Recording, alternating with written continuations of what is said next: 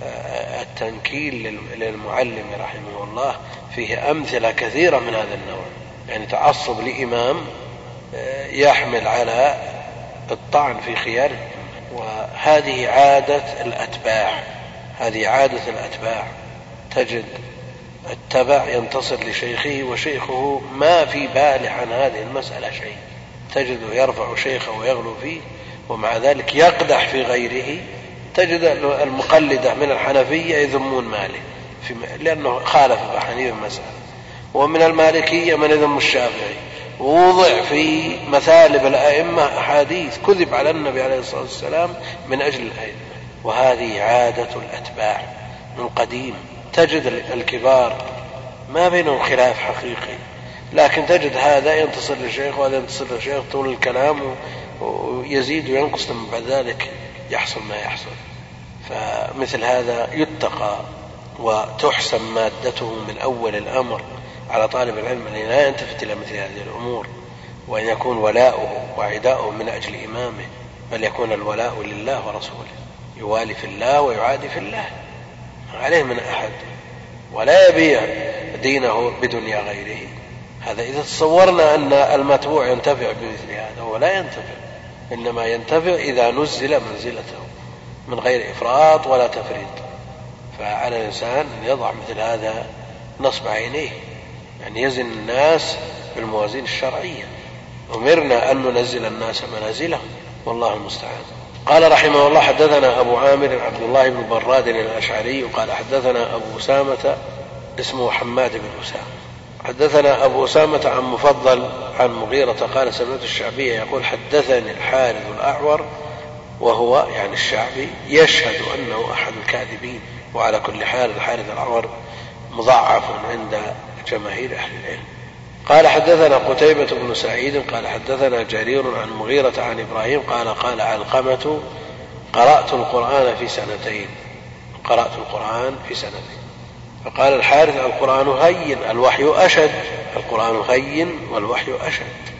فإن كان على ما فسره به جمع من أهل العلم وأن مراده بالوحي ما يلقى إلى علي رضي الله عنه ثم إلى من بعده من ذريته من أئمتهم فهذا لا شك أنه طامة من الطور نسأل الله السلامة والعافية. ويروون عن عن أئمتهم ألوف مؤلف كما سيأتي يروي سبعين ألف يروي خمسين ألف. حفظ مثل هذه الأمور أشد من حفظ القرآن مع أنه ثبت في الخبر الصحيح عن علي رضي الله تعالى عنه أنه أجاب من سأله هل عندكم شيء غير القرآن؟ قال الله ما عندنا إلا ما في كتاب الله وهذه الصحيفة. صحيفة؟ لا ما في غير. هذا من كلامه رضي الله تعالى عنه وأرضاه. ولا يوجد ممن يتبع النبي عليه الصلاة والسلام ويعترف برسالته أن يدعي أن له مصدر غير الرسول عليه الصلاة والسلام. فالواسطة بين الله جل وعلا وبين خلقه فيما ينزل إليهم منه. أما ما يرتفع من الخلق إلى الخالق فلا واسطة. قال القرآن هين الوحي أشد. فإن كان يقصد بذلك ما يوحى كما يزعمون يزعم الرافضة الغلاة أن علي رضي الله تعالى عنه يوحى إليه. إن كان هذا فهو أمر عظيم. حاول بعضهم كالقاضي عياض مثلا أن يدافع عن هذا الكلام وأن يحمله على وجه صحيح. قال القاضي عياض رحمه الله أرجو أن هذا من أخف أقواله.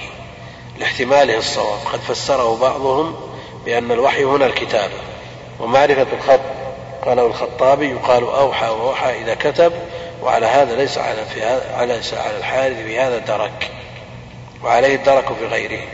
قال القاضي ولكن لما عرف قبح مذهبه وغلوه في مذهب الشيعة ودعواهم الوصية إلى علي رضي الله عنه وسر النبي صلى الله عليه وسلم إليه من الوحي وعلم الغيب ما لم يطلع غيره عليه بزعمهم آه، سيء الظن بالحارث في هذا وذهب به ذلك المذهب ولعل هذا القائل فهم من الحارث معنى منكرا فيما أراده وهو الأقرب وهو الأقرب.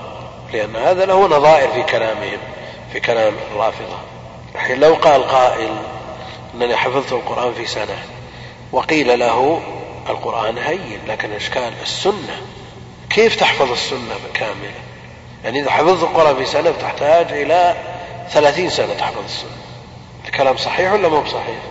صحيح لأن السنة أولا القرآن ميسر ولقد يسرنا القرآن للذكر والسنة أمرها عظيم متشتتة وكثيرة وفيها المقبول وفيها المردود ودواوين كبيرة. المسند يحتاج إلى عمر لمن كان حافظته متوسطة فكيف بقية كتب السنة؟ وهذا يريد أن أن ما يلقى ويوحى ويخص به علي رضي الله تعالى عنه أشد. فيحتاج أضعاف أضعاف ما يحتاجه القرآن من الحفظ.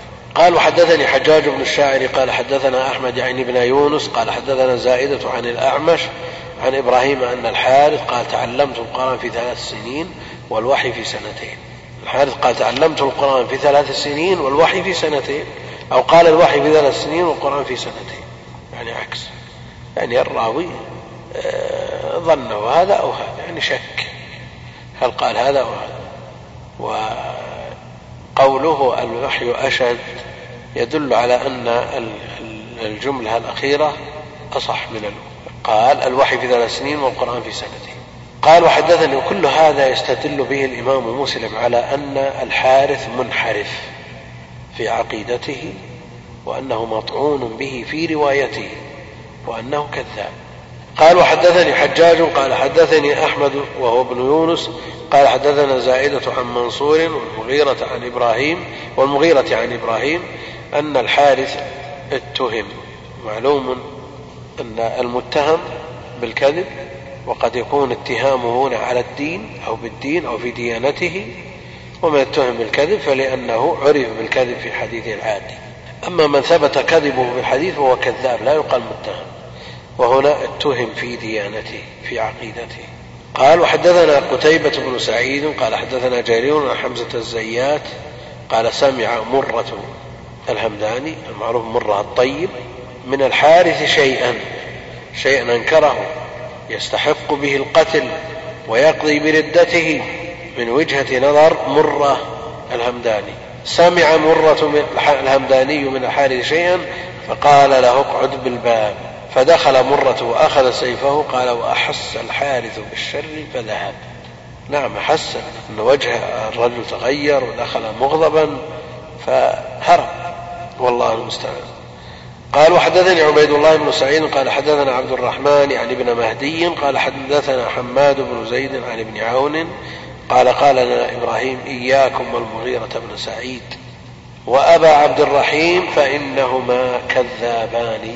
أما المغيرة فقد قال النسائي في كتابه كتاب الضعفاء كوفي دجال أحرق بالنار لأنه ادعى النبوة وأما أبو عبد الرحيم, عبد الرحيم فهو شقيق الضبي الكوفي القاص وليس بشقيق بن سلمة وليس هو شقيق ابن سلمة كما نبه على ذلك.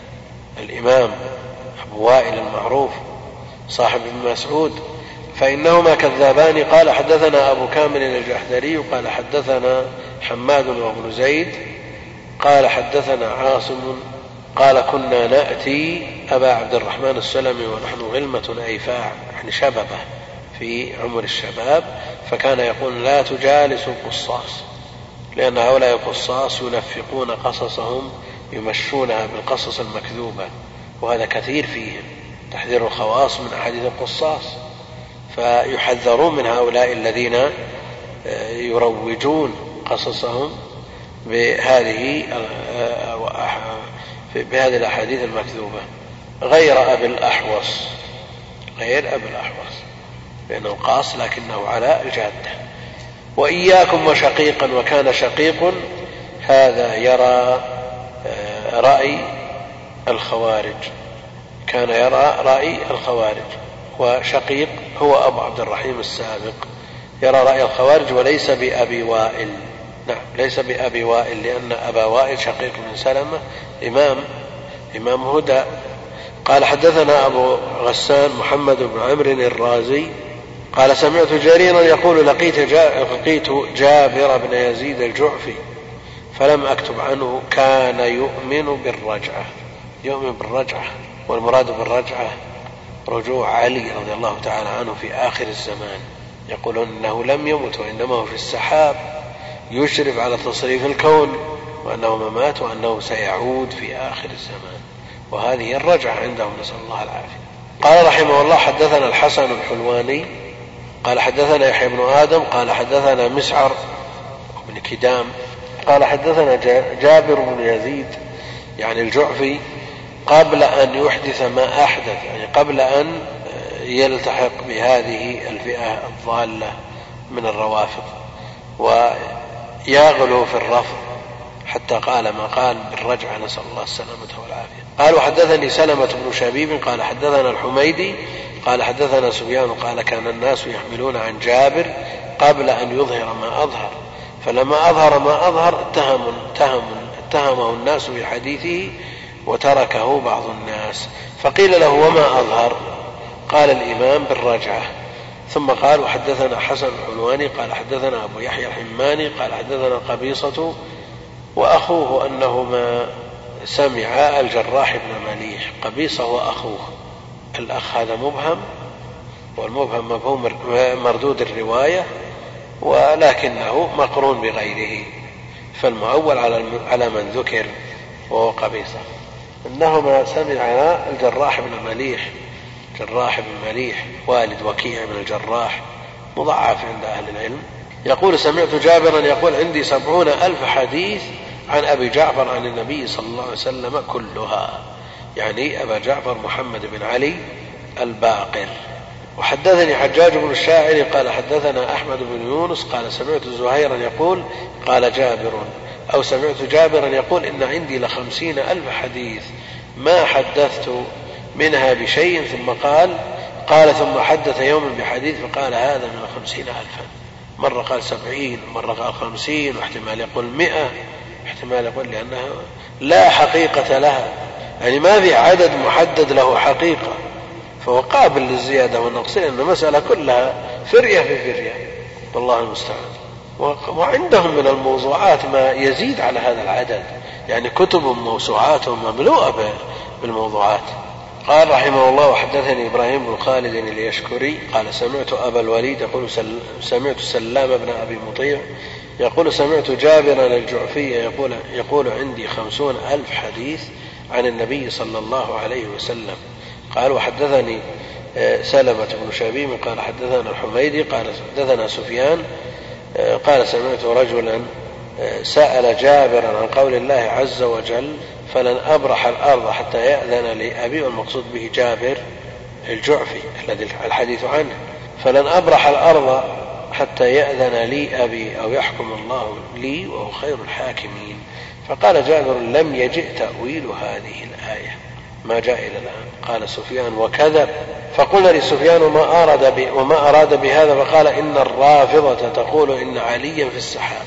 فلا نخرج مع من خرج من ولده حتى ينادي مناد من السماء يريد عليا أنه ينادي اخرجوا مع فلان. يقول جابر فذا تأويل هذه الآية حتى يأذن لي أبي لأنه من ولده ولا يخرج ولا يخرج معه حتى يأذن له أبوه الذي هو علي في السحاب. نسأل الله السلامة والعافية. نعوذ بالله من الخذلان. فهذا تأويل هذه الآية وكذب كانت في إخوة يوسف صلى الله عليه وسلم. وهذا معروف السياق من أول السورة إلى آخرها يدل على هذا. قال وحدثني سلمة قال حدثنا الحميدي عبد الله بن الزبير البخاري يروي عنه بدون واسطة ومسلم يروي عنه بالواسطة. قال حدثنا سفيان وابن عيينة قال سمعت جابرا يحدث بنحو من ثلاثين ألف حديث. ما أستحل أن أذكر منها شيئا وأن لي كذا وكذا. يحدث بالموضوعات المختلقات الملصقات بالنبي عليه الصلاة والسلام لكن إن حدث بها للتحذير منها فأجر على ذلك كما صنف الأئمة في الموضوعات.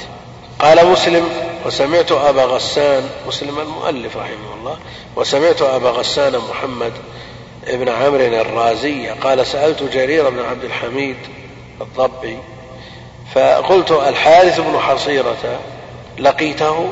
قال نعم شيخ طويل السكوت يصر على أمر عظيم.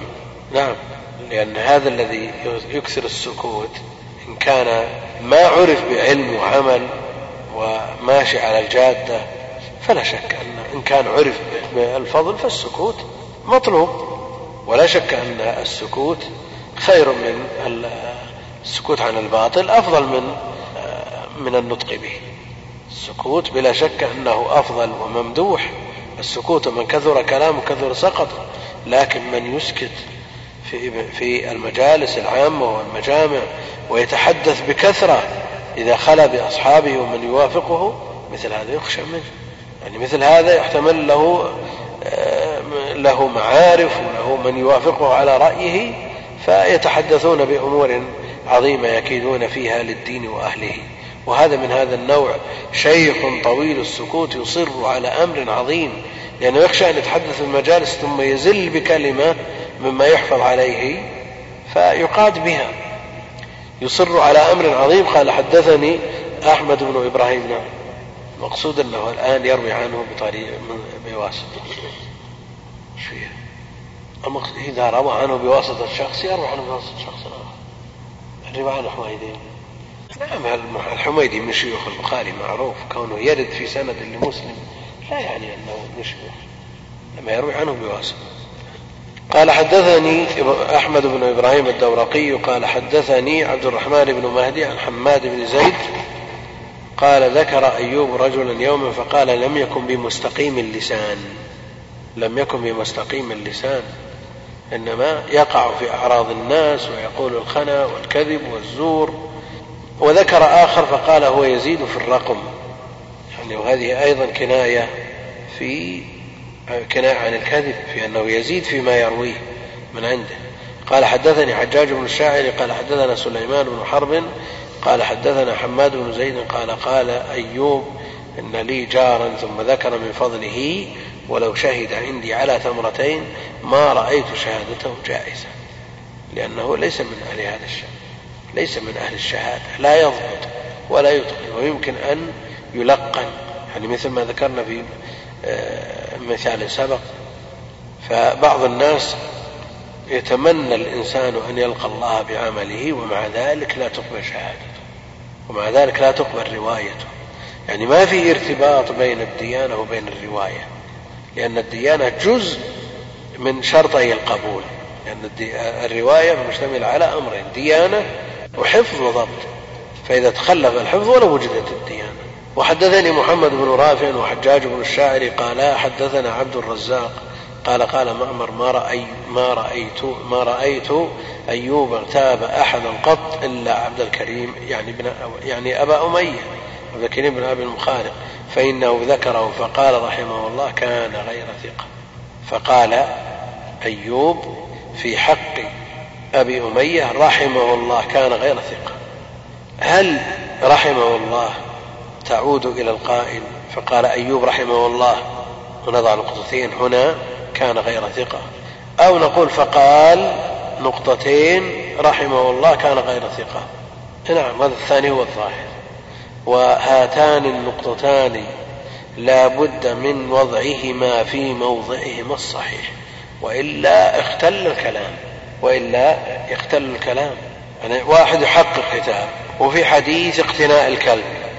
الروايات ينقص من عمله في كل يوم قيراط رواه مسلم. وفي رواية له قيراطان المحقق وفي رواية وضع نقطتين له قيراطان يعني يكسب قيراطين بدل من أن نعم بدلا من أن آه، يحبط من عمله أو يؤخذ من عمله قيراطين يكون له قيراطان فوضع النقطتين هنا بعد له.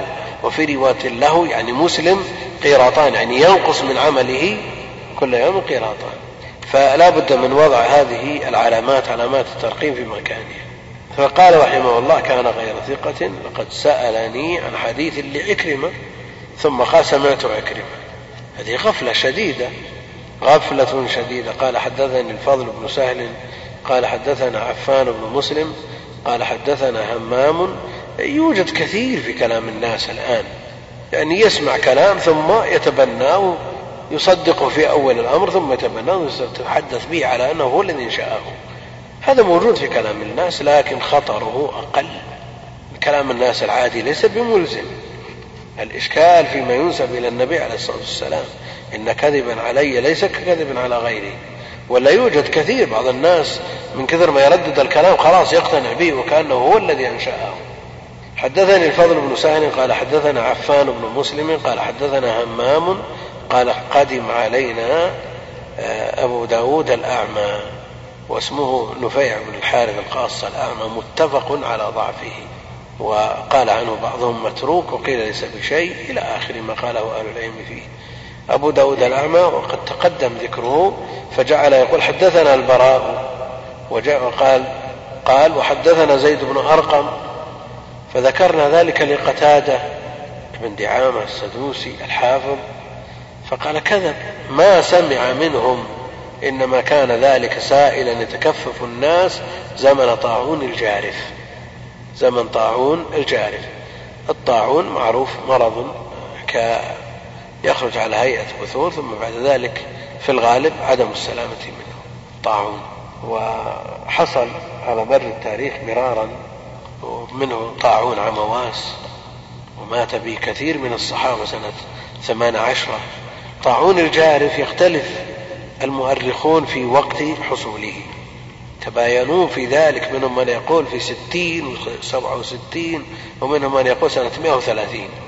ولكثرة من مات فيه سمي جارفا. المقصود أن هذا الطاعون يوجد فيه هذا الرجل سائل يتكفف الناس يسأل الناس لا علاقة له بالحديث. ثم صار يحدث عن كبار الصحابة. قال وحدثني حسن بن علي. قال وحدثني حسن بن علي الحلواني. قال حدثنا يزيد بن حدثنا يزيد بن هارون. قال أخبرنا همام قال دخل أبو داود العام على قتادة. فلما قام قالوا إن هذا يزعم أنه لقي ثمانية عشر بدريا. قال فقال قتادة كان هذا أو هذا كان سائلا قبل الجارف لا يعرض في شيء من هذا ولا يتكلم فيه. يعني ما له علاقة بالحديث لا من قريب ولا من بعيد. ونحن نشاهد إن هذه العينة من يطالعنا في كتاباته وفي مقالاته ببعض الأحكام وبعض الأحاديث وهو لا يمت إلى العلم بصلة. نسأل الله العافية. ولا يتكلم فيه فوالله ما حدثنا الحسن على إمامته. ما حدثنا عن بدر مشافهة ولا حدثنا سعيد بن المسيب عن بدري مشافهة إلا عن سعد بن مالك. بسعيد الخدري لأن تأخرت وفاته. ثم قال بعد هذا حدثنا عثمان بن أبي شيبة قال حدثنا جرير وهو ابن عبد الحميد عن رقبة يعني ابن مسقلة أن أبا جعفر الهاشمي المدني كان يضع أحاديث كان يضع أحاديث كلام حق وليست من أحاديث النبي عليه الصلاة والسلام وكان يرويها عن النبي عليه الصلاة والسلام وليس كل كلام حق صدق. تجوز نسبته إلى النبي عليه الصلاة والسلام ولو كان حق ولو كان حقا لكن لا تجوز النسبة إلا ما ثبت عنه بالأسانيد الصحيحة وقبله أهل العلم. هذا ما تجوز نسبته. أما لو قال قال رسول الله صلى الله عليه وسلم الواحد نصف الاثنين كلام صحيح ويقطع به ويحلف عليه. لكن ما بلغنا عنه عليه الصلاة والسلام أنه قال ذلك. احتمال قائم أن الرسول عليه الصلاة والسلام قال مدة حياته الواحد نصف الاثنين أو خمسة نصف لكن لا تجوز نسبته إليه ولو كان آه، صحيحا. إلا بالأسانيد الصحيحة التي يقبلها أهل العلم.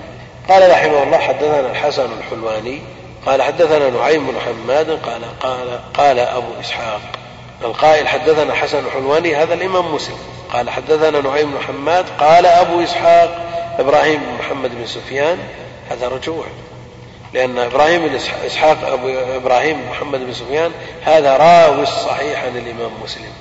وحدثنا محمد بن يحيى قال حدثنا نعيم بن محمد فساوى مسلما. هذا علو فيه المساواة. يعني الخبر يرويه مسلم من طريق نعيم بن حماد بواسطة الحسن الحلواني وابن سفيان الآخر عن مسلم يروي عن نعيم بن حماد بواسطة محمد بن يحيى. يعني من غير طريق مسلم فساواه. حدثنا أبو داود قال حدثنا أبو داود الطيالس عن شعبة عن يونس بن عبيد قال كان عمرو بن عبيد يكذب في الحديث.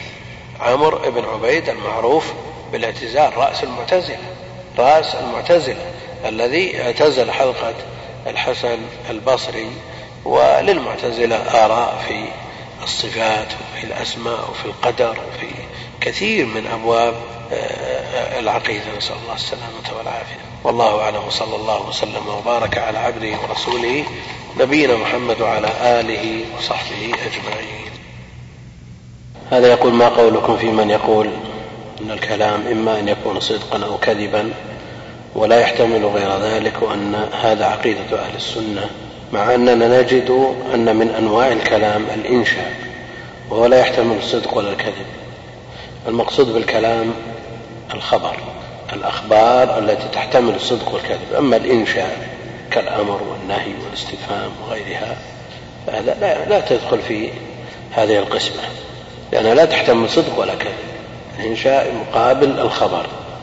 فالأخبار هي التي تقبل الوصف بأنها صدق أو كذب وهي المرادة بالتقسيم.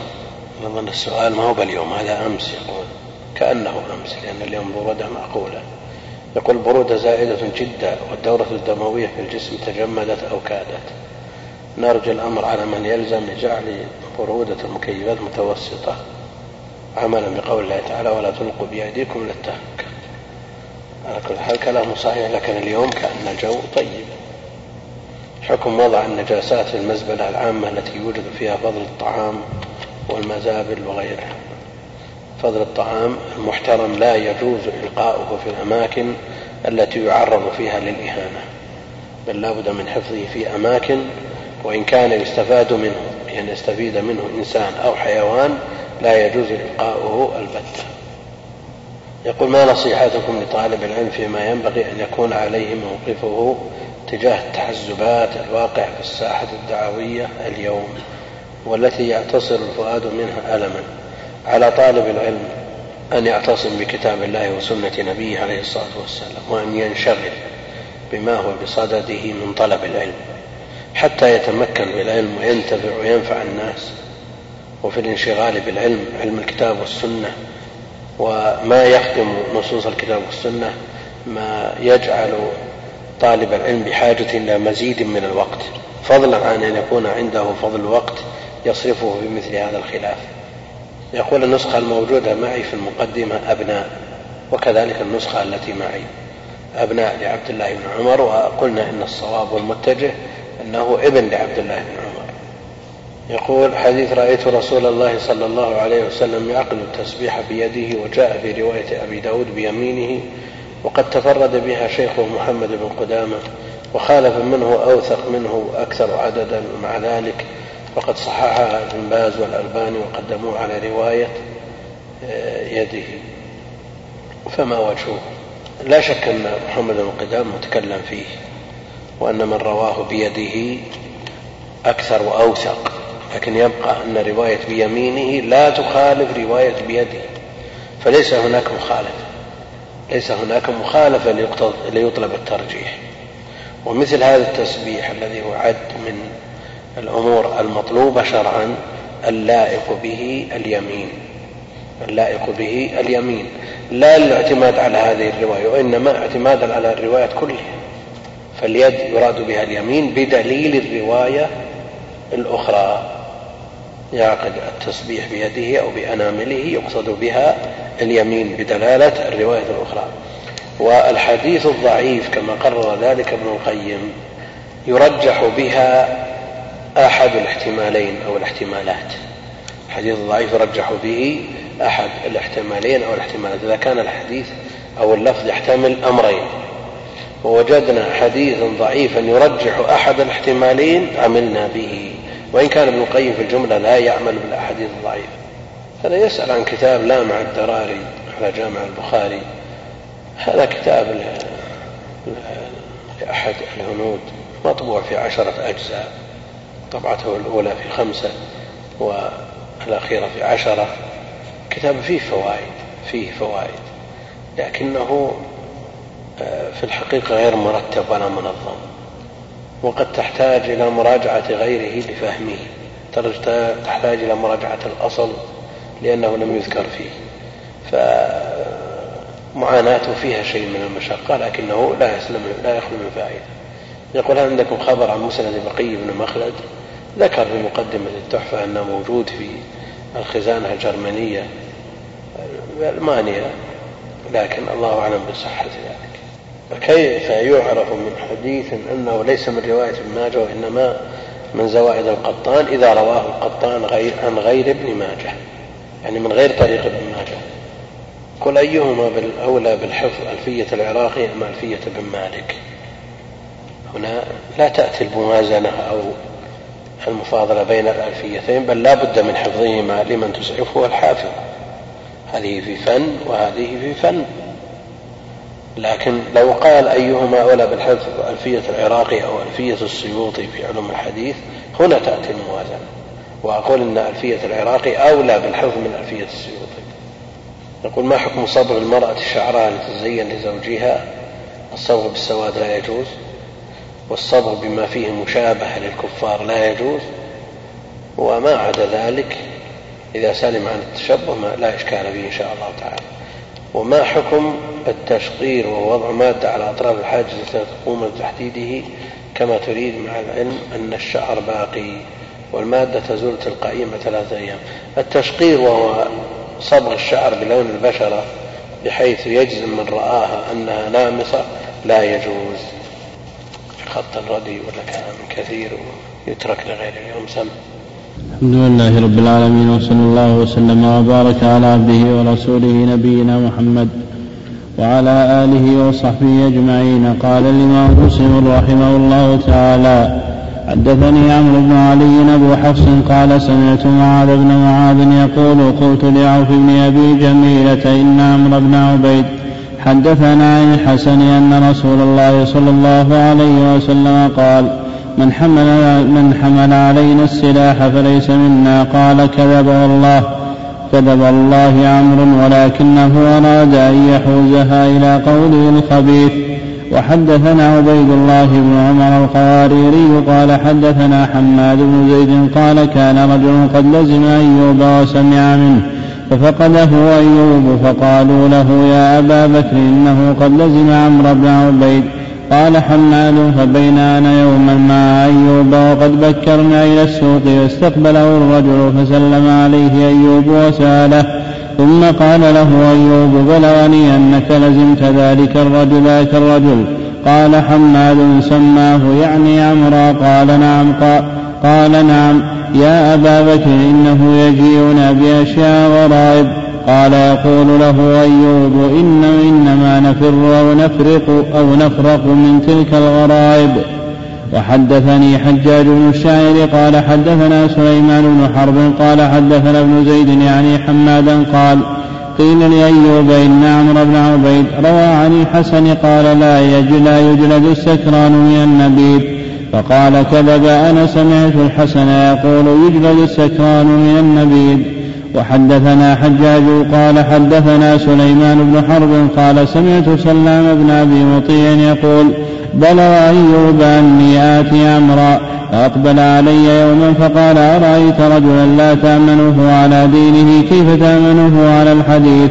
وحدثني سلمة بن شبيب قال حدثنا الحميدي قال حدثنا سفيان قال سمعت أبو موسى أبا موسى يقول حدثنا عمرو بن عبيد قبل أن يحدث. حدثنا عبيد الله بن معاذ العنبري قال حدثنا أبي قال كتبت إلى شعبة أسأله عن أبي شيبة قاضي واسط فكتب إلي لا تكتب عنه شيئا ومزق كتابي. قال وحدثنا الحلواني قال سمعت عفان قال حد قال حدثت حماد بن سلمة عن صالح المري بحديث عن ثابت فقال كذب وحدثت هماما عن صالح المري بحديث فقال كذب. وحدثنا محمود بن غيلان قال حدثنا أبو داود قال قال لي شعبة ائت جرير بن حازم فقل له لا يحل لك أن تروي عن الحسن بن عمارة فإنه يكذب. قال أبو داود قلت لشعبة وكيف ذاك؟ قال حدثنا عن الحكم بأشياء لم أجد لها أصلا. قال قلت له بأي شيء؟ قال قلت للحكم قال قلت للحكم أصلى النبي صلى الله عليه وسلم على قتلى أحد. قال لم يصل عليهم. فقال الحسن بن عمارة عن الحكم عن مقسم عن ابن عباس رضي الله عنهما إن النبي صلى الله عليه وسلم صلى عليهم ودفنهم. قلت للحكم ما تقول في أولاد الزنا؟ قال يصلى عليهم. قلت من حديث من حديث من يروى. قال يروى عن الحسن البصري. فقال الحسن بن عمارة حدثنا الحكم عن يحيى بن قال حدثنا الحكم عن يحيى بن الجزار عن يعني عن علي رضي الله عنه وحدثنا الحسن الحلواني قال سمعت يزيد بن هارون وذكر زياد بن ميمون فقال حلفت أن لا أروي عنه شيئا ولا عن خالد بن محدوج وقال لقيت زياد بن ميمون فسألته عن حديث فحدثني به عن بكر المزني ثم عدت إليه فحدثني به عن حدثني به عن مورق ثم عدت إليه فحدثني به عن الحسن وكان ينسبهما إلى الكذب. قال الحلواني سمعت عبد الصمد وذكرت عنده زياد بن ميمون فنسبه إلى الكذب. وحدثنا محمود بن غيلان قال قلت لأبي داود الطيالسي قد أكثرت عن عباد بن منصور. فما لك لم تسمع منه حديث العطارة الذي روى لنا النضر بن شميل. قال لي اسكت فأنا لقيت زياد بن ميمون وعبد وعبد الرحمن وعبد الرحمن بن وهدي فسألناه فقلنا له هذه الأحاديث التي ترويها عن أنس. فقال أرأيتما رجلا يذنب فيتوب أليس يتوب الله عليه؟ قال فقلنا نعم قال ما سمعت من أنس من ذا قليلا ولا كثيرا. إن كان لا يعلم إن كان لا يعلم الناس فأنتما لا تعلمان أني لم ألقى أنسا قال أبو داود فبلغنا بعد أنه يروي فأتيناه أنا وعبد الرحمن فقال أتوب ثم بعد كان يحدث فتركناه حدثنا حسن الحلواني قال سمعت شبابة قال كان عبد القدوس يحدثنا فيقول سويد بن علقة قال شبابة وسمعت عبد القدوس يقول نهى رسول الله صلى الله عليه وسلم أن تتخذ الروح عرضا قال فقيل له أي شيء هذا قال يعني تتخذ قال يعني تتخذ قوة في حائط ليدخل ليدخل عليه الروح. قال مسلم وسمعت عبيد الله بن عمر عبيد الله بن عمر القواريري والقواريري يقول سمعت حماد بن زيد يقول لرجل بعدما جلس مهدي بن قال بعدما جلس مهدي بن هلال بأيام ما هذه العين المالحة التي نبعت قال ما هذه العين المالحة التي نبعت قبلكم؟ قال نعم يا أبا إسماعيل. وحدثنا الحسن الحلواني قال سمعت عفان قال سمعت أبا عوانة قال ما بلغني عن الحسن حديث إلا أتيت به أبان بن أبي عياش فقرأه علي.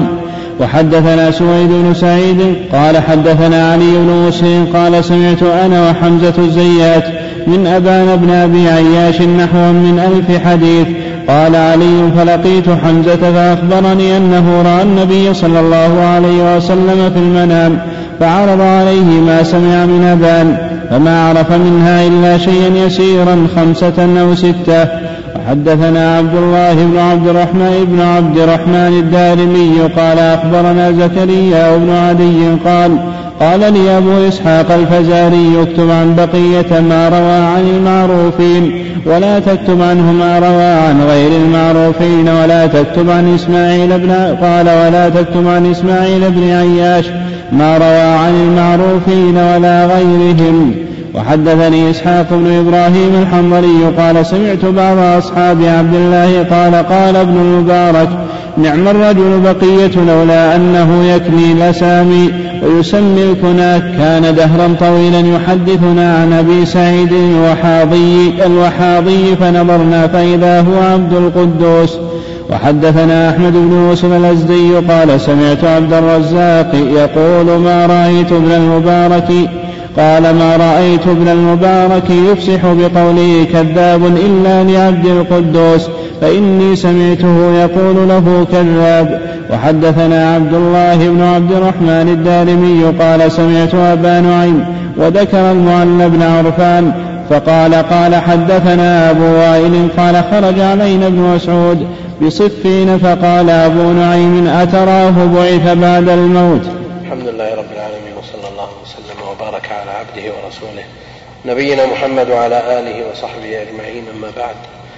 فيقول الإمام مسلم رحمه الله تعالى حدثنا عمرو بن علي أبو حفص قال سمعت معاذ بن معاذ يقول قلت لعوف بن أبي جميلة عن المعروف بالأعرابي أن عمرو بن عبيد حدثنا عن الحسن أن رسول الله صلى الله عليه وسلم قال من حمل علينا السلاح فليس منا. قال كذب والله عمرو. ولكنه أراد أن يحوزه إلى قوله الخبيث. عمرو بن عبيد من المعتزلة كما هو معروف والمعتزلة رأيهم في مرتكب الكبيرة أنه خالد مخلد في النار وإن لم يجزموا بكفره في الدنيا كقول الخوارج فالحديث يؤيد بدعته. فمثل هذا الحديث لا يقبل من مثل عمرو بن عبيد. كذب والله عمرو ولكنه أراد أن يحوزها إلى قول الخبيث وجاء بهذا الوعيد الشديد عدة أحاديث مما لا يقتضي الكفر. لكن كون هذا الخبر يأتينا من هذا المبتدع الذي يؤيد فيه بدعته لا يقبل منه لأنه يريد أن يحوزها إلى قوله يستدل بها وينصر بها مذهبه الباطل. وإلا لو رآها لو رواها غيره ممن لا يرى هذا الرأي قبلت هذه السنة. ولذا المبتدع إذا روى ما يؤيد بدعته يرد قوله ولا تقبل روايته. قال بعد ذلك وحدثنا عبد الله بن عمر القواريري قال حدثنا حماد بن زيد قال كان رجل قد لزم أيوب وسمع منه فقده أيوب. قالوا يا أبا بكر إنه قد لزم عمرو بن عبيد. يعني المعتزل الذي قدم ذكره.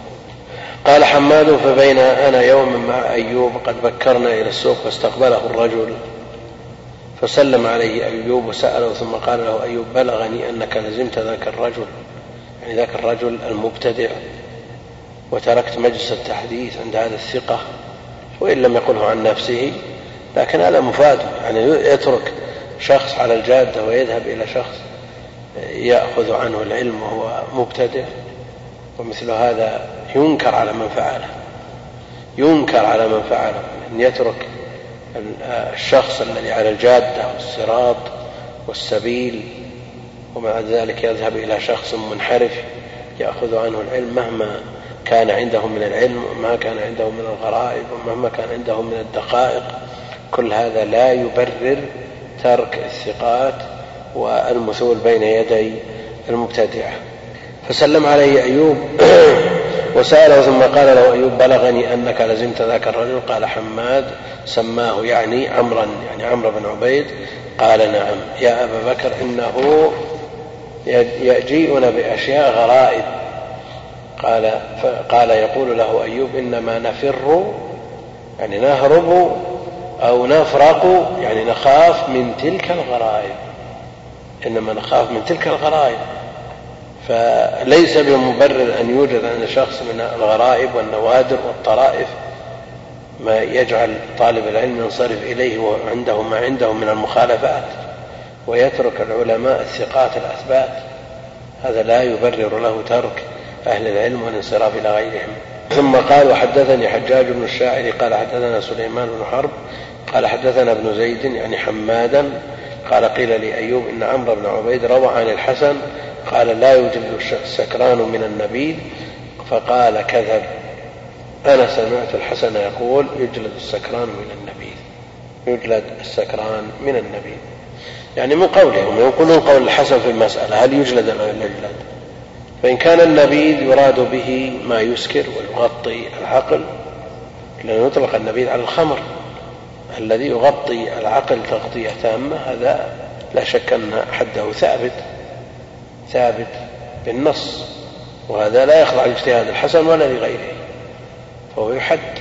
وإن كان المراد به النبيذ الذي لا يسكر مما هو مظنة للإسكار الذي يقول بجوازه بعض أهل الرأي ويحرمه الجمهور فجلده من باب التعزير. باب من باب التعزير يعني لو أن شخصا شافعيا أو حنبليا أو مالكيا شرب من النبيذ شرب من النبيذ الذي يمنعه إمامه من شربه مثل هذا يعزر لكن لو قال الله حنفي وأبو حنيفة يجيز شرب النبيذ ويجوز الوضوء بالنبيذ هو لا يحد في هذه الحالة لكن إن سكر حد لأنه القدر الذي يبيحونه من النبيذ وهو إذا مر عليه أكثر من 24 ساعة يوم وليلة صار مظنة. لا سيما مع شدة الحرارة حرارة الجو. صار مظنة للإسكار. فيمنع من قبل الجمهور لأنه مظنة. ويبيحه من يبيحه لأنه غير مسكر. والنبي عليه الصلاة والسلام كان ينتبذ له. تلقى إليه يلقى إليه الزبيب في الماء يلقى إليه يلقى له التمر في الماء. ليكون طعمه حلوا لكن لا تطول به مدة حتى يتغير ويشتد ويقذف بالزبد ولو لم يصل لحد الإسكار فالنبيذ لا شك أنه لا يجوز عند جمهور أهل العلم ولذا قال كذب أنا سمعت الحسن يقول يجلد السكران من النبيذ. يعني إذا سكر لا شك أنه يجلد يجلد حد الخمر. أما إذا شربه قبل أن يشتد ويقذف الزبد ويصل إلى حد الإسكار مما يبيحه الحنفية فإن هذا عند من يمنعه يجلد تعزيرا. يعني يضرب أصوات يسيرة تعزيرا لئلا يعود إلى هذه المعصية لا مانع. أما أنه يجلد الحد فلا. قال وحدثني حجاج قال حدثنا سليمان بن حرب قال سمعت سلام بن أبي مطيع يقول بلغ أيوب أني بلغ أيوب أني آتي عمرا. يعني أيوب السختياني أني آتي عمرا يعني ابن عبيد فأقبل علي يوما فقال أرأيت رجلا لا تأمنه على دينه؟ هو لا تأمنه على دينه فكيف تأمنه على الحديث يعني إذا كان دينه الذي هو رأس ماله لا يؤمن عليه وقد حصل منه الإخلال فيه فكيف تأمنه على الحديث؟ لأن العدالة وهي لزوم التقوى والمرأة شرط في قبول الرواية ومن ليس بعدل لا تقبل روايته فكيف تأمنه على الحديث؟ وحدثني سلمة بن شبيب قال, قال حدثنا الحميدي قال حدثنا سفيان قال سمعت أبا موسى يقول حدثنا عمرو بن عبيد قبل أن يحدث قبل أن يبتدع قبل أن يحدث في الدين. من أحدث في أمرنا هذا ما ليس منه فهو رد وقد أحدث. يقول بالقدر ويقول بخلق القرآن ويقول بعظائم الأمور. وينفي الرؤية لأنه على مذهب المعتزلة وهذا قولهم فهذه محدثات. فكان مقبول الرواية قبل أن يحدث وبعد أن أحدث صار مبتدعا مردود الرواية. قال حدثني عبيد الله بن معاذ العنبري قال حدثنا أبي قال كتبت إلى شعبة أسأله عن أبي شيبة قاضي واسط فكتب إلي لا تكتب عنه شيئا ومزق كتابي. هذا قاضي ولا شك أن القضاء له رجاله. لكن لا يعني أنه ما دام قاضي أنه يكون من حفاظ الحديث وأئمة الحديث منه مقبول الرواية. تقدم لنا إن ابن أبي ليلى من كبار القضاة ومع ذلك سيء الحفظ. روايته فيها ضعف. وهذا أيضا أبو شيبة قاضي واسط. لكن لا يعني أنه تقبل روايته. قال لا تكتب عنه شيئا ومزق كتابي. يخشى أن يقع في يده أو في يد من له به صلة فيحصل بذلك مفسدة. يحصل بذلك مفسدة لأن مسألة النصيحة ينبغي أن تكون بين الناصح والمنصوح لا يتعدى أمرها إلى غيرهم. وحدثنا الحلواني قال سمعت عفان قال حدثت حماد بن سلمة عن صالح المري بحديث عن ثابت فقال كذب. وحدثت حماما عن صالح المري بحديث فقال كذب. صالح المري ضعيف عند أهل العلم ضعيف عند أهل العلم وهو معروف بصلاحه واستقامته على الدين وحرصه عليه لكنه من من غفل عن حفظ الحديث فصار يكثر الخطأ في حديثه فصحت نسبة الكذب إليه الذي هو بمعنى الخطأ. وحدثنا محمود بن غيلان قال حدثنا أبو داود قال قال لي شعبة ائت جرير بن حازم فقل له لا يحل لك أن تروي عن الحسن بن عمارة فإنه يكذب. قال أبو داود قلت لشعبة وكيف ذاك؟ فقال حدثنا عن الحكم بأشياء لم أجد لها أصلا. يعني لم يجد لها ذكر عند أصحاب الحكم. قلت له بأي شيء؟ قال قلت الحكم أصلى النبي صلى الله عليه وسلم على قتل أحد؟ فقال المصلي عليهم فقال الحكم الحسن بن عمار عن الحكم عن مقسم عن ابن عباس أن النبي صلى الله عليه وسلم عليهم ودفنهم. معروف أن الشهيد شهيد المعركة لا يصلى عليه. والنبي عليه الصلاة والسلام دفن الشهداء بدون صلاة. لكنه في آخر حياته عليه الصلاة والسلام بعد ثمان سنين ذهب إليهم وصلى عليهم كالمودع لهم. على خلاف المراد بهذه الصلاة. وأما الشهيد فلا يصلى عليه. لكن صلاته عليهم من أهل العلم من يرى أنه أنها الصلاة اللغوية يعني دعا لهم. صلى عليهم ودفنهم. قلت للحكم ما تقول في أولاد الزنا؟ قال يصلى عليهم. قلت من حديث من يروى قال يروى عن الحسن البصري. فقال الحسن بن عمار حدثنا الحكم عن يحيى بن الجزار عن علي. فنسبه إلى علي وإنما هو من كلام الحسن من كلام الحسن. فدل على أن الحسن بن عمارة آه، يكذب يعني يقع إما أن يكون عن قصد أو غير قصد. المقصود أن الخطأ يقع ما يخالف الواقع يقع في في حديثه. قال وحدثنا الحسن الحلواني قال سمعت يزيد بن هارون وذكر زياد بن ميمون فقال حلفت ألا أروي عنه شيئا ولا عن خالد بن محدود وقال لقيت زياد بن ميمون فسألته عن حديث فحدثني به عن بكر المزني ثم عدت إليه فحدثني به عن مورق ثم عدت إليه فحدثني به عن الحسن وكان ينسبهما إلى الكذب. وكان ينسبهما إلى الكذب. الآن هذا الذي حدث بالحديث على هذه الأوجه. هل لأنه يرويها من هذه الأوجه أو لأنه لم يضبطها ولم يتقنها فمارة يرويها عن فلان ومرة يرويها عن عادة من يحصل الخلل في كلامه أو من لم يضبط ما يقول. الذي لا يضبط تجده مرة ينسب إلى فلان ومرة إلى فلان ومرة. هذا خلل في الضبط. هذا إن لم يكن مقصودا أو يكون الكلام مختلق. لأن الكلام إذا كان مختلقا لا أصل له فإن صاحبه لا يثبت على قدم. لأنه ليس عنده أساس يرجع إليه. الشخص الذي يروي عن شخص ويضبط هذه الرواية عن شخص لا ينساه أو ينسبه إلى غيره. لكن الشخص الذي لم يضبط القول تجد أحيانا ينسبه إلى فلان أو إلى فلان وما يدري من تكلم به أو يكون لم يروي عن أحد أصلا فتجده مرة ينسبه إلى فلان ومرة ينسى فينسبه إلى فلان وهكذا. وكان ينسبهما إلى الكذب. يعني زياد بن ميمون وخالد بن محدوج قال الحلواني سمعت عبد الصمد وذكرت عنده زياد بن ميمون ونسبه إلى الكذب. وكل هذا في كلام في الرواة. كلام في الرواة وبعضهم من الصالحين. ولا يعني أن هذا من الغيبة المحرم على ما سيأتي. بل هو من النصيحة لله ولدينه. لا بد لأن هذا لا يتم الواجب إلا به. فهو واجب وليس الغرض من ذلك التفكه بالأعراض وإنما المراد منه بيان ما يجب بيانه. مما يترتب عليه ثبوت الأخبار أو عدم ثبوتها. قال وحدثنا محمود بن غيلان قال قلت لأبي داود الطيالسي قد أكثرت عن عباد بن منصور فما لك لم تسمع منه حديث العطارة الذي روى لنا النضر بن شميل قال لي اسكت فأنا لقيت زياد بن ميمون وعبد الرحمن بن وعبد الرحمن بن مهدي. مضبوط بإيش عندكم؟ يعني أنا لقيت زياد بن ميمون وعبد الرحمن فسألناه أو فسألتهما؟ يعني لو كان مضبوط بفتح.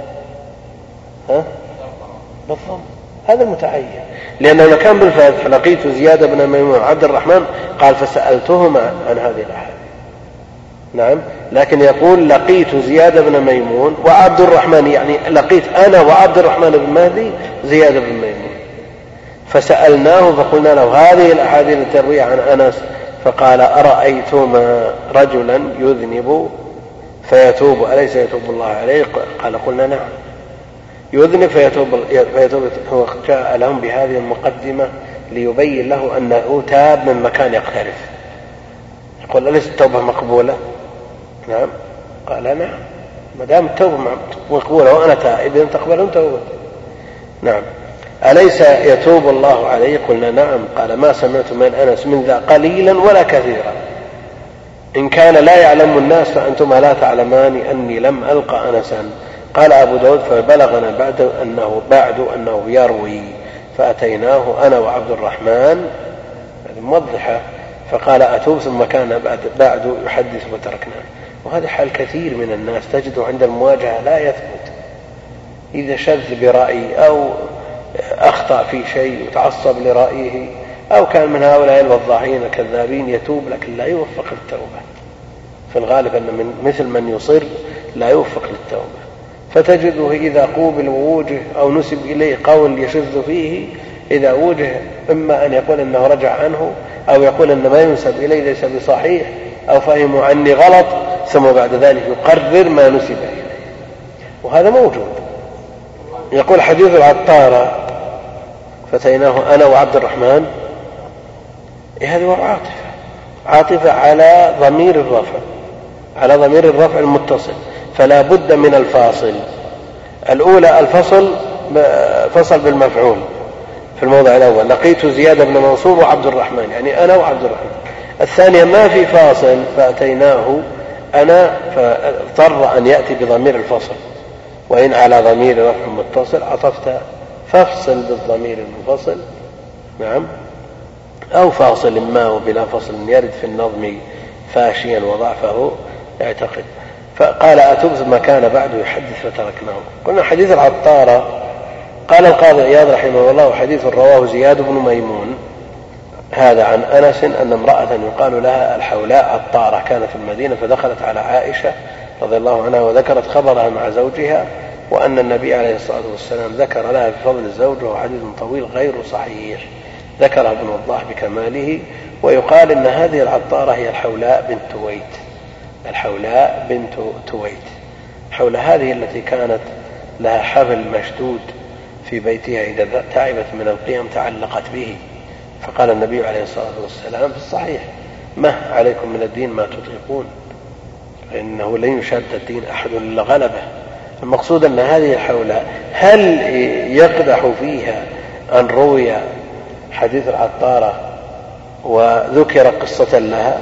يضيرها ولا يضيرها؟ لا يضير يعني لو ثبت أن التصريح باسمها لا يضره لأن الكذب والوضع جاء من دونها وليس منها. في إيش؟ إيه. كيف؟ إيه له يقول ليبين له أنه ما روى هذا الحديث يعني فاته هذا الحديث ذكره رواه لأنه كذاب. نعم؟ يقول هنا الشرح إيش قال؟ حديث العطارة انتهينا. قال لقيت زياد بن ميمون وعبد الرحمن فعبد الرحمن معطوف. فأنتما لا تعلمان معناه فأنتما تعلمان. طيب نعود إلى المتن. حدثنا محمود بن غيلان قال قلت لأبي داود الطياسي قد أكثرت عن عباد بن منصور. عن عباد بن منصور. فما لك لم تسمع منه آه، حديث العطار الذي روى النضر بن شمير قال لي اسكت فلقيت زياد بن عبد الرحمن إلى آخره. نعم وش الرابط بين أول الخبر وقد يكون بعض الأخبار آه، تكون سبب لقصة تكون سبب لقصة سبب لإيراد قصة ولا يكون لها ارتباط بالقصة إنما تكون سبب لإيراد القصة. شو نعم صارت سبب لإيراد هذه القصة التي بعدها. قال حدثنا حسن الحلواني قال سمعت شبابة قال كان عبد القدوس يحدثنا فيقول سويد ابن عقلة وصوابه غفلة. يعني يصحف يصحف. كان عبد القدوس يحدثنا فيقول سويد بن عقلة. يعني وصواب سويد بن غفلة. قال شبابة سمعت عبد عبد القدوس يقول نهى رسول الله صلى الله عليه وسلم أن يتخذ الروح عرضا. الروح يعني الريح. نعم الريح التي تهب في أوقات الحر مثلا فيفتح لها فتحة في الجدار ما تصل عرض تصير طول أفضل. وهذا من تصحيفه ليس لنا هذا المراد. إنما نهى رسول الله صلى الله عليه وسلم أن يتخذ الروح غرضا الروح يعني ما فيه روح من حيوان طائر أو شبهه غرض للسهام والنبال. فهذا من تصحيفه ظاهر لما ظاهر؟ ويقول نهى أن يتخذ الروح عرضا عرضا. يعني لا تتخذ نافذة عرض كذا خليها طول علشان تدخل عليك الهواء. نعم. والحديث نهى أن يتخذ الروح غرضا. يعني ما فيه روح لا يجوز أن يكون غرضا للسهام يعني حينما يضعون علامة ينصبون شيء يترامون فيه. أيهم يصيبه؟ لا يجوز أن يكون له روح. يجعلون أي شيء يترامون. أي جماد يمكن أن يتخذ غرض؟ لا بأس به. لكن ما فيه روح لا يجوز أن يتخذ غرض للسهام ولا للرماح قال فقيل له أي شيء هذا؟ قال يعني تتخذ قوة. في حائط ليدخل عليه الروح يعني الريح. قال مسلم ولسمعت عبيد الله بن عمر القواريري يقول سمعت حماد بن زيد يقول لرجل بعدما جلس مهدي بن هلال بأيام ما هذه العين المالحة التي نبعت قبلكم؟ يعني أبا إسماعيل. يعني أبا إسماعيل. العين المالحة. الأصل أن الكلام الطيب حلو والكلام الذي هو بضده بضده سمى مالح فإذا كانت آراء طيبة ونقول صحيحة تكون حلوة. أما إذا جاء من شخص آه، ما هو بخلاف ذلك من آراء خاطئة أو نقول ليست بصحيحة تكون مالحة فيكون المكان الذي وجد فيه هذا الشخص الذي تصدر عنه هذه الأقوال الخاطئة أو النقول المكذوبة هو النبع التي تنبع منه هذه المياه المالحة. فيقول ما, ما هذه آه، ما هذه العين المالحة التي آه، التي نبع اكتب لكم قال نعم يا أبا إسماعيل. وأبو إسماعيل كأنها كنية حماد بن زيد. وهذه موافقة. قال نعم وافق على أن ما يصدر من هذا الرجل من هذه الجهة ليس بصحيح. وحدثنا الحسن الحلواني قال سمعت عفان قال سمعت أبا عوانة قال بلغني عن الحسن حديث. قال ما بلغني عن الحسن حديث إلا أتيت به أبان بن أبي عياش فقرأه علي. فقرأه علي. معنى هذا الكلام أن أبان كان يحدث عن الحسن بكل ما يسأل عنه. بكل ما يسأل عنه. لا يتورع عن بعض الأخبار. لا يعني أحيانا أحيانا يقول صحيح وأحيانا يقول لا والله ما سمعته. ما لا بد أن يحدث به. وهذا طعن شديد فيه. قال وحدثنا سويد بن سعيد قال حدثنا علي بن مسهن قال سمعت أنا وحمزة الزيات من أباني ولا أبانا. ممنوع من الصرف؟ ولا مصروف؟ فتح النون يصير ممنوع من الصرف. ومن من يقول بمنعه ابن مالك صاحب الألفية. والأكثر على صرفه. وتقدم القول أن من منع أبان فهو إيش؟ أتان. كلام قوي لا سيما وأن ممن يقول به من أئمة أهل العربية. نعم. على كل حال مرد الكلام والخلاف إلى أخذ الكلمة. هو من الإبانة يعني القطع أو من الإباء وهو الرفض فإن كان من الإباء فالألف والنون مزيدتان. فيمنع من الصرف لأنه مزيد بالألف والنون فيه زيادة ألف ونون فيمنع من الصرف من الإباء والرفض وإن كان من الإبانة التي هي القطع وهذا أظهر نعم فيصرف. على أنه يمكن منعه من الصرف نعم لمانع آخر وهو وزن الفعل أبانا نعم فهذا مانع آخر يقوي رأي ابن مالك. وعلى كل حال ترى بعض الألفاظ التي يطلقها آه، بعض من ينتصر لقوله أو لقول القول الذي يرجحه لا تمنع المحقق المحرر من التصريح بما يرى ولو قال أتانا العبرة بالصواب. قال وحدثنا سويد بن سعيد قال حدثنا علي بن مسهر قال سمعت أنا وحمزة الزيات وجاب الفاصل أنا وجوبا لعطف للعطف على ضمير الرفع المتصل.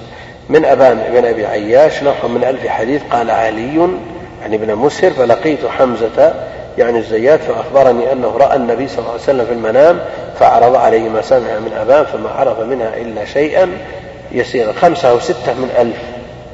خمسة أو ستة من ألف.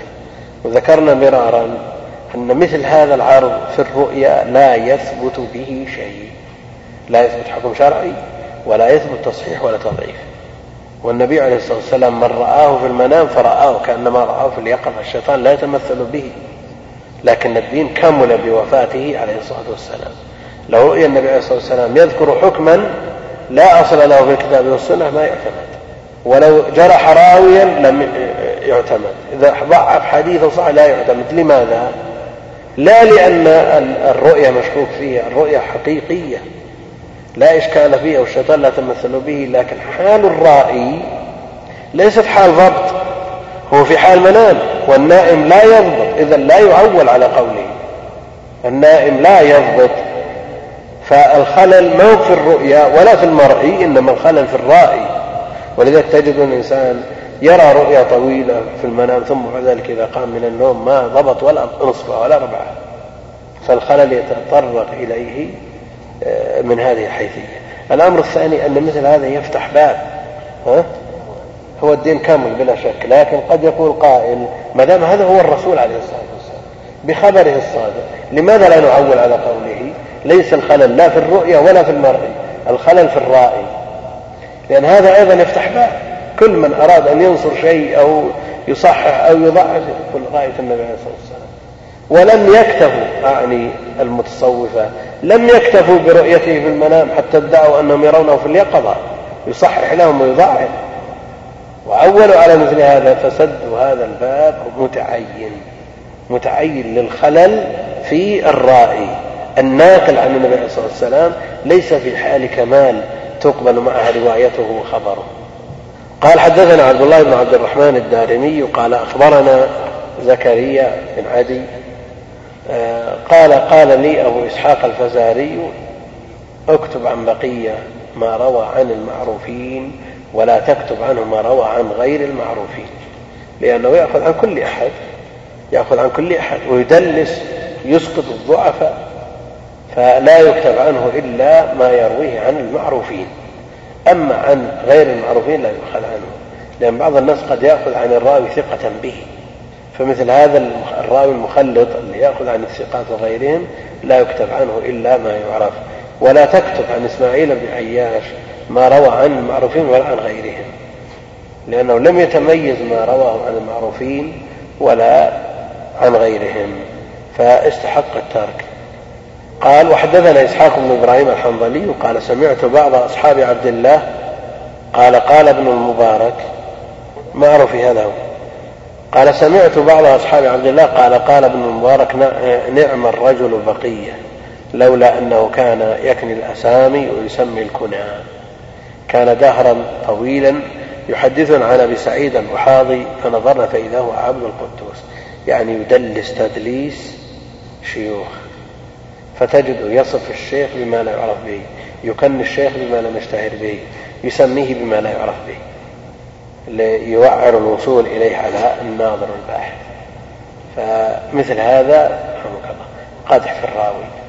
وحدثني أحمد بن يوسف الأزدي قال سمعت عبد الرزاق يقول ما رأيت ابن المبارك يفصح بقوله كذاب. يعني لورعه لورعه لا يفصح بقول فلان كذاب. هذا من الورع. والإمام البخاري معروف رأيه في هذا وسيأتي في مراتب التجريح في الألفية إن شاء الله تعالى. ما رأيت ابن المبارك يفصح بقوله كذاب إلا لعبد القدوس لأنه لا يشك لا يشك في كذبه وبيان أمره مما يتعين عليه فصرح بأنه كذاب فإني سمعته يقول له كذاب. وحدثنا عبد الله بن عبد الرحمن الدارمي قال سمعت أبا نعيم وذكر المعلى بن عرفان فقال قال حدثنا أبو وائل قال خرج علينا ابن مسعود بصفين. خرج علينا ابن مسعود بصفين. ابن مسعود توفي سنة 32 عبد الله بن مسعود توفي في خلافة عثمان وصفين في خلافة علي. فقال أبو نعيم أتراه بعث بعد الموت؟ نعم. وهذا مما يتنزل منزلة الإقرار في الحكم عليه بالوضع. لأنه إذا ذكر سنا لا يوافق الواقع أو ذكر تاريخ يشهد الواقع ببطلانه فإنه يدل على أن الخبر ليس بصحيح. والله أعلم وصلى الله وسلم وبارك على عبده ورسوله نبينا محمد وعلى آله وصحبه أجمعين. سم الحمد لله رب العالمين وصلى الله وسلم وبارك على عبده ورسوله نبينا محمد وعلى آله وصحبه أجمعين. قال الإمام مسلم رحمه الله تعالى حدثني عمرو بن علي وحسن الحلواني كلاهما عن عفان بن مسلم قال كنا عند إسماعيل بن علية فحدث رجل عن رجل فقلت إن هذا ليس بثبت فقال فقال الرجل ارتبته فقال إسماعيل ما أغتابه ولكنه حكم أنه ليس بثبت لأنه ليس بثبت أنه ليس بثبت. وحدثني أبو جعفر الدارمي قال حدثنا بشر بن عمر قال سألت مالك بن أنس عن محمد بن عبد الرحمن الذي يروي عن سعيد بن المسيب فقال ليس بثقة وسألت مالكا عن شعبة الذي روى عنه ابن أبي ذئب فقال ليس بثقة.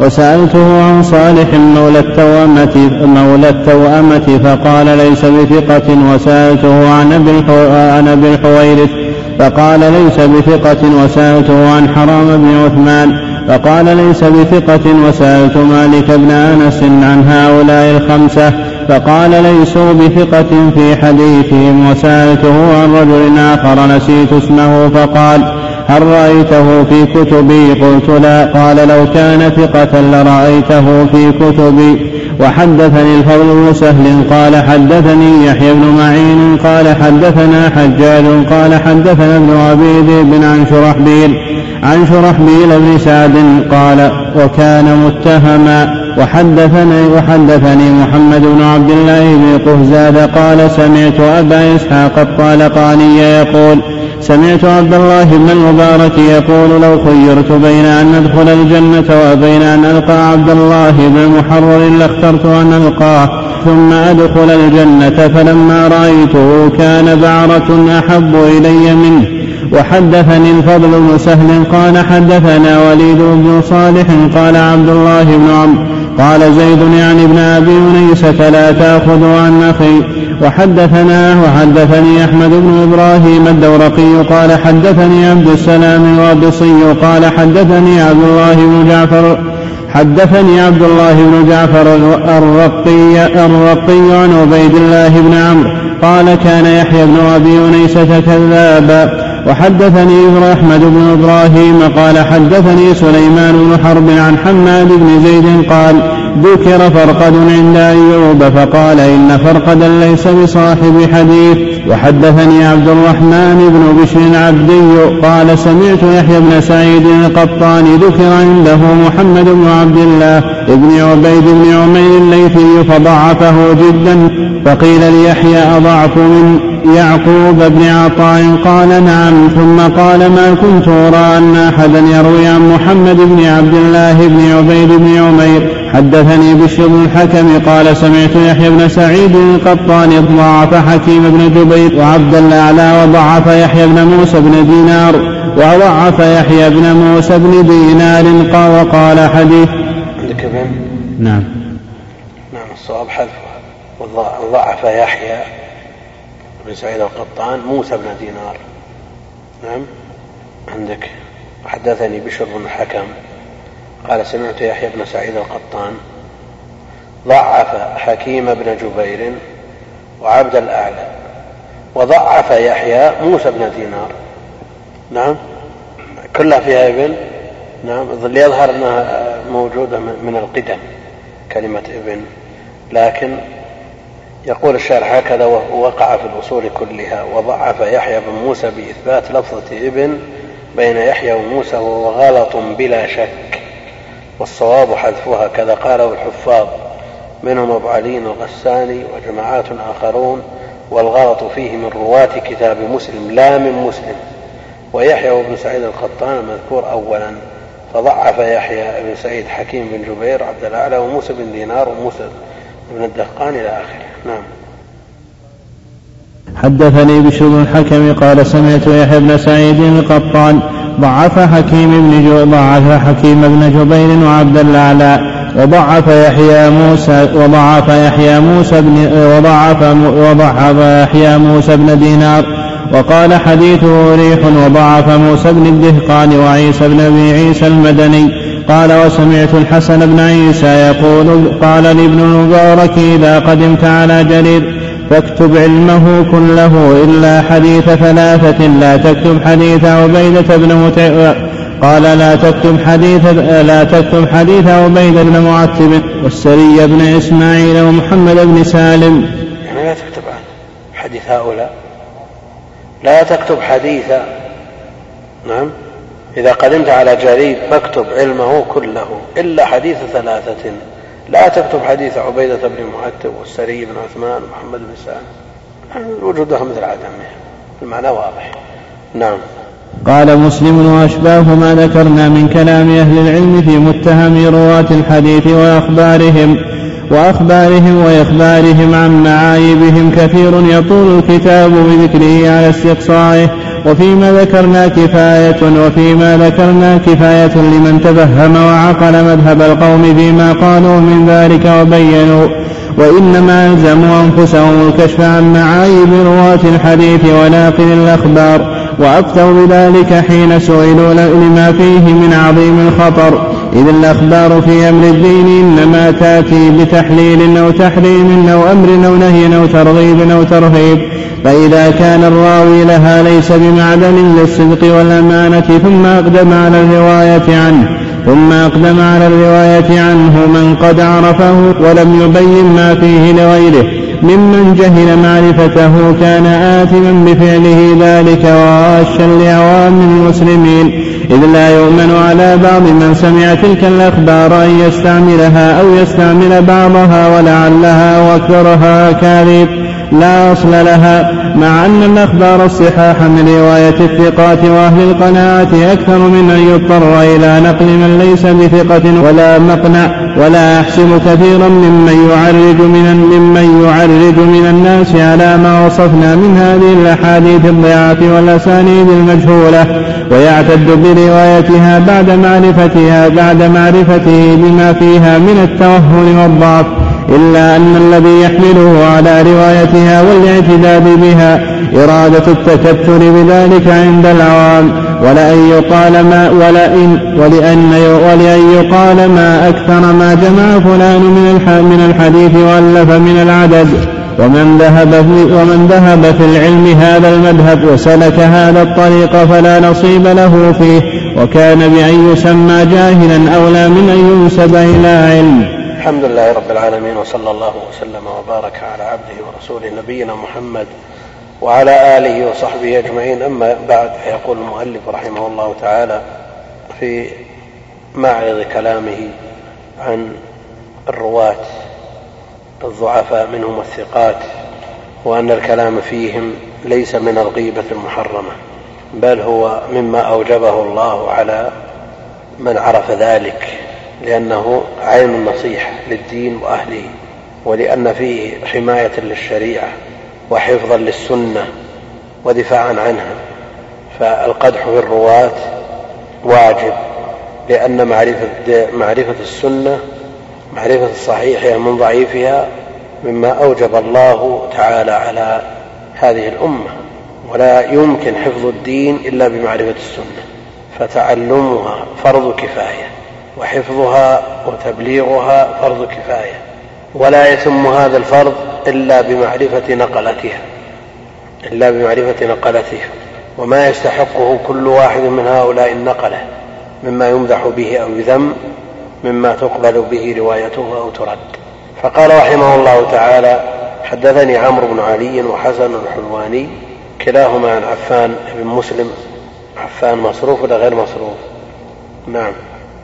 عفان. يعني من إيش؟ وش أصله؟ اي ليش؟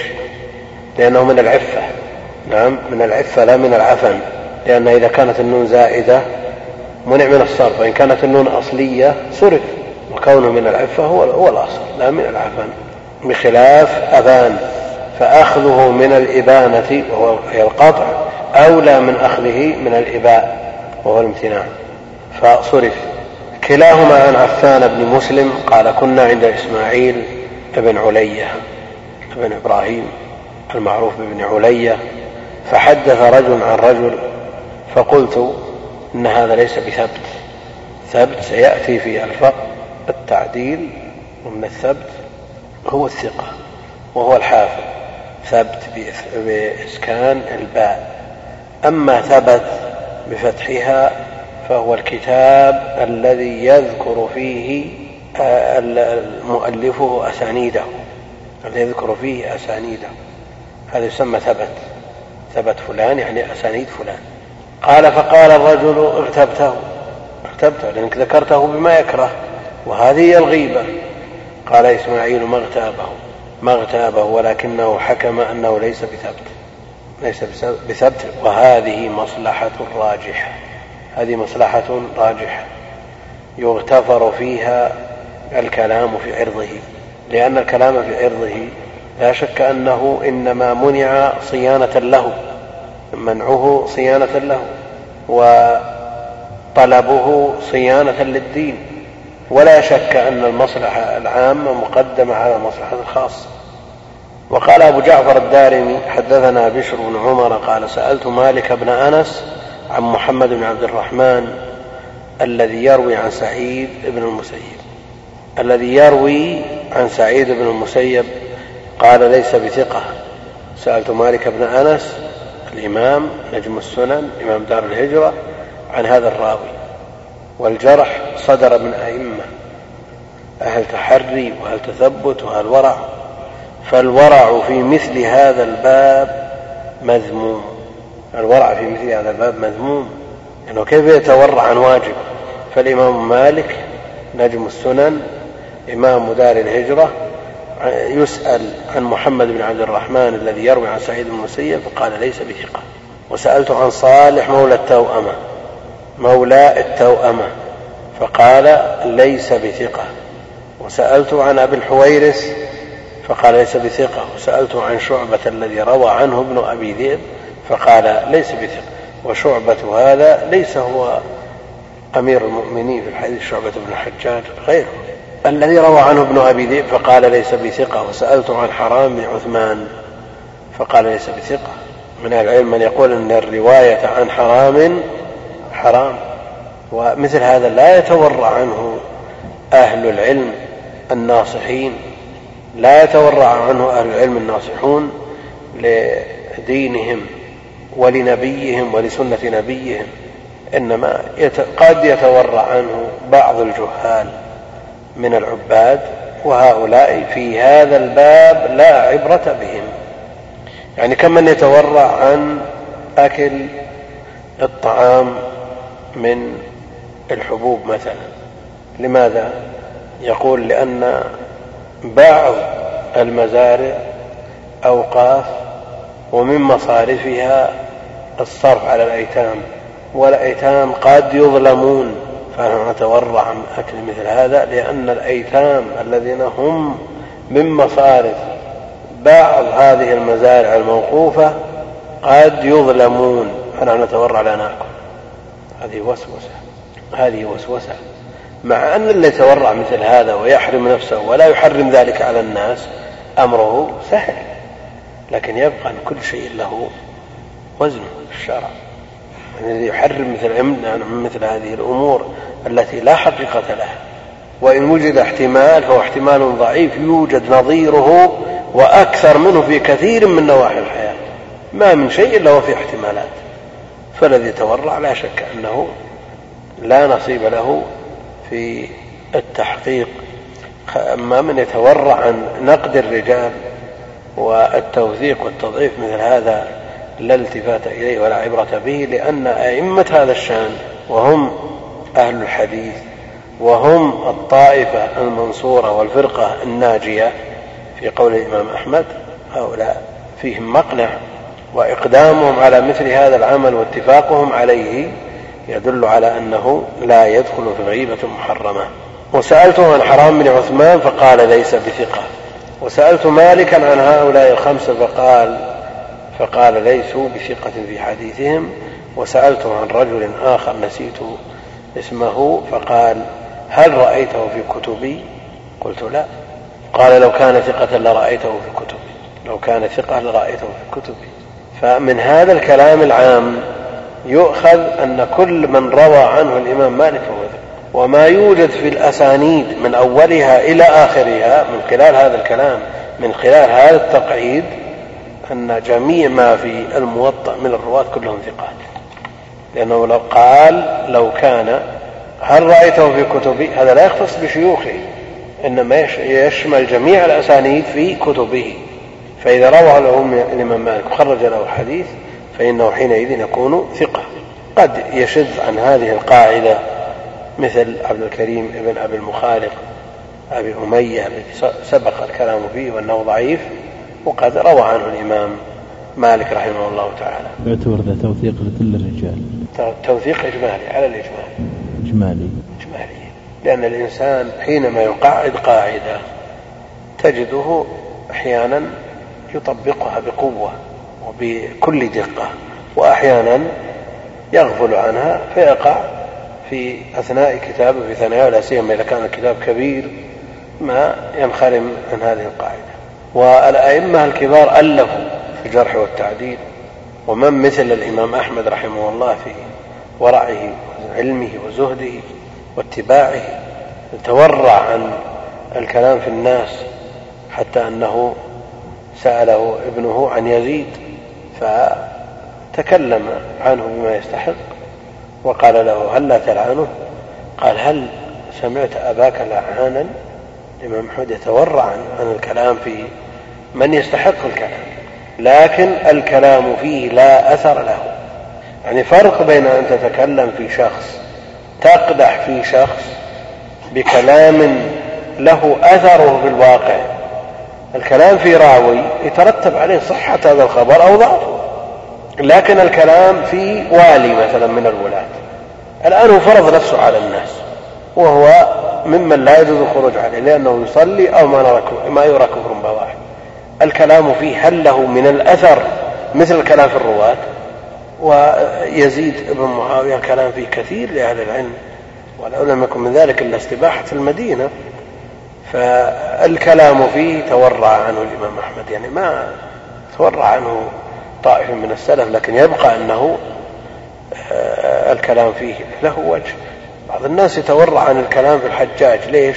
لأنه ما هو براوي تقول والله بيضعف حديثه وبيصحح والي وظالم وغاشم وأذل الصحابة وقتل من قتل لكن ما الأثر المترتب على القدح فيه؟ نعم مدحه لا يجوز لأنه من الغش للوالي الثناء الكاذب عليه لأنه يغرره ويغرر به. هذا يشرع أقواله وأفعاله للعامة. لكن القدح فيه لا أثر له. نعم. يأتينا في ألفاظ الجرح والتعديل. لكن إذا عرفت طريقة الإمام إذا عرفت طريقة الإمام في ومنهجه بين منهجه وعرف عنه وحفظ واضطرد ما في إشكال. لأنه بدلا من أن يقول يجرحه بجرح عظيم يقول سكتوا عنه والناس يعرفون إيش معنى سكتوا عنه أو فيه نظر على ما سيأتي. أقول أن الكلام في أعراض الناس لا سيما من من هو في دائرة الإسلام. يقرر ابن دقيق العيد وغيره أنه حفرة من حفر النار. أعراض المسلمين مصونة والكلام فيهم والوقوع في أعراضهم أعراض المسلمين حفرة من حفر النار. يقول ابن دقيق العيد وقف على شفيرها العلماء والحكام. وقف على شفيرها العلماء والحكام. وفهم هذا الكلام آه، يمكن أن يفهم على وجهين. يمكن أن يفهم على وجهين. هم على شفير هذه الحفرة لأنهم يحتاجون إلى الكلام في الناس فقد يزيدون في الكلام على المطلوب فخطر عليهم أن يقعوا في هذه الحفرة لأنهم على شفيرها أو هم بصدد كثرة كلام الناس فيهم أو بسبب كثرة كلام الناس فيهم يكون على شفيرها يدفعون فيها من يتكلم فيها. فيمكن فهم الكلام على الوجهين. المقصود أن الإنسان عليه أن يحفظ لسانه أن يحفظ لسانه ويحفظ أعماله التي تعب عليها إلا فيما يترتب عليه فائدة عملية. الله شخص خطب من أناس بنت صينة دينة عفيفة وخطب منهم شخص جاء أبوها يستشير. وأنت تعرف عنه شيء لا يناسب هذه البنت. يعني من النصيحة أن تقول والله هذا الرجل ابحث عن غيره. ولا تقع في عرضه إلا عند الحاجة إلى التصريح.